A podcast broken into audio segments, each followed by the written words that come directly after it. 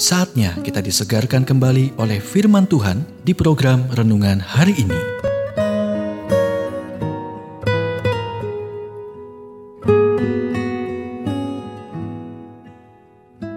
Renungan hari ini berjudul Kesetiaan bagian kedua. Nas Alkitab 1 Korintus 4 ayat 2 Yang akhirnya dituntut dari pelayanan-pelayanan yang demikian ialah bahwa mereka ternyata dapat dipercayai. Kesetiaan membutuhkan 100% usaha dan 100% waktu Anda.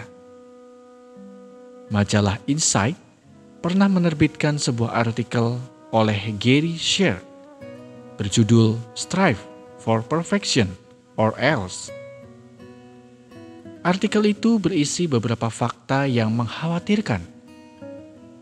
Artikel itu mengatakan, jika 99,9% cukup baik, 103.260 pengembalian pajak penghasilan akan diproses secara tidak benar tahun itu.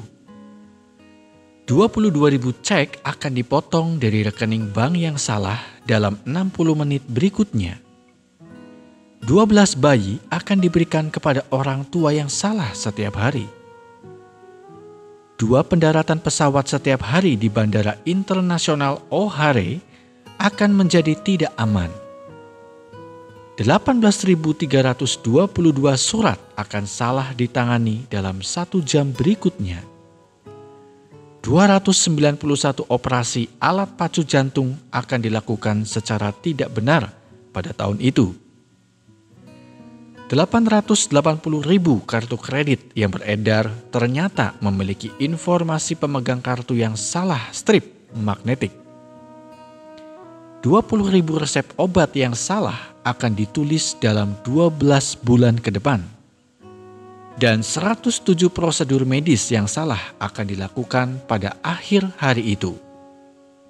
Itu adalah statistik yang cukup serius terutama jika Anda adalah salah satu orang yang hidupnya terpengaruh.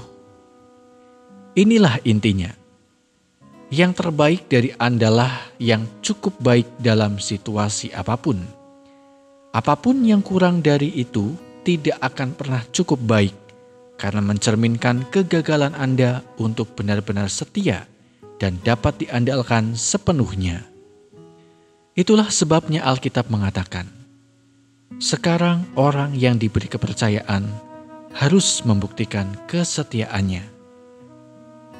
Bagi Tuhan, kesetiaan bukan hanya sebuah konsep atau saran. Itu adalah tuntutan semua orang yang melayani Dia, termasuk Anda.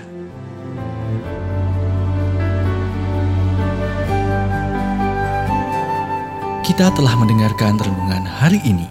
Kiranya renungan hari ini terus mengarahkan kita mendekat kepada Sang Juru Selamat, serta menjadikan kita bertumbuh dan berakar di dalam Kristus.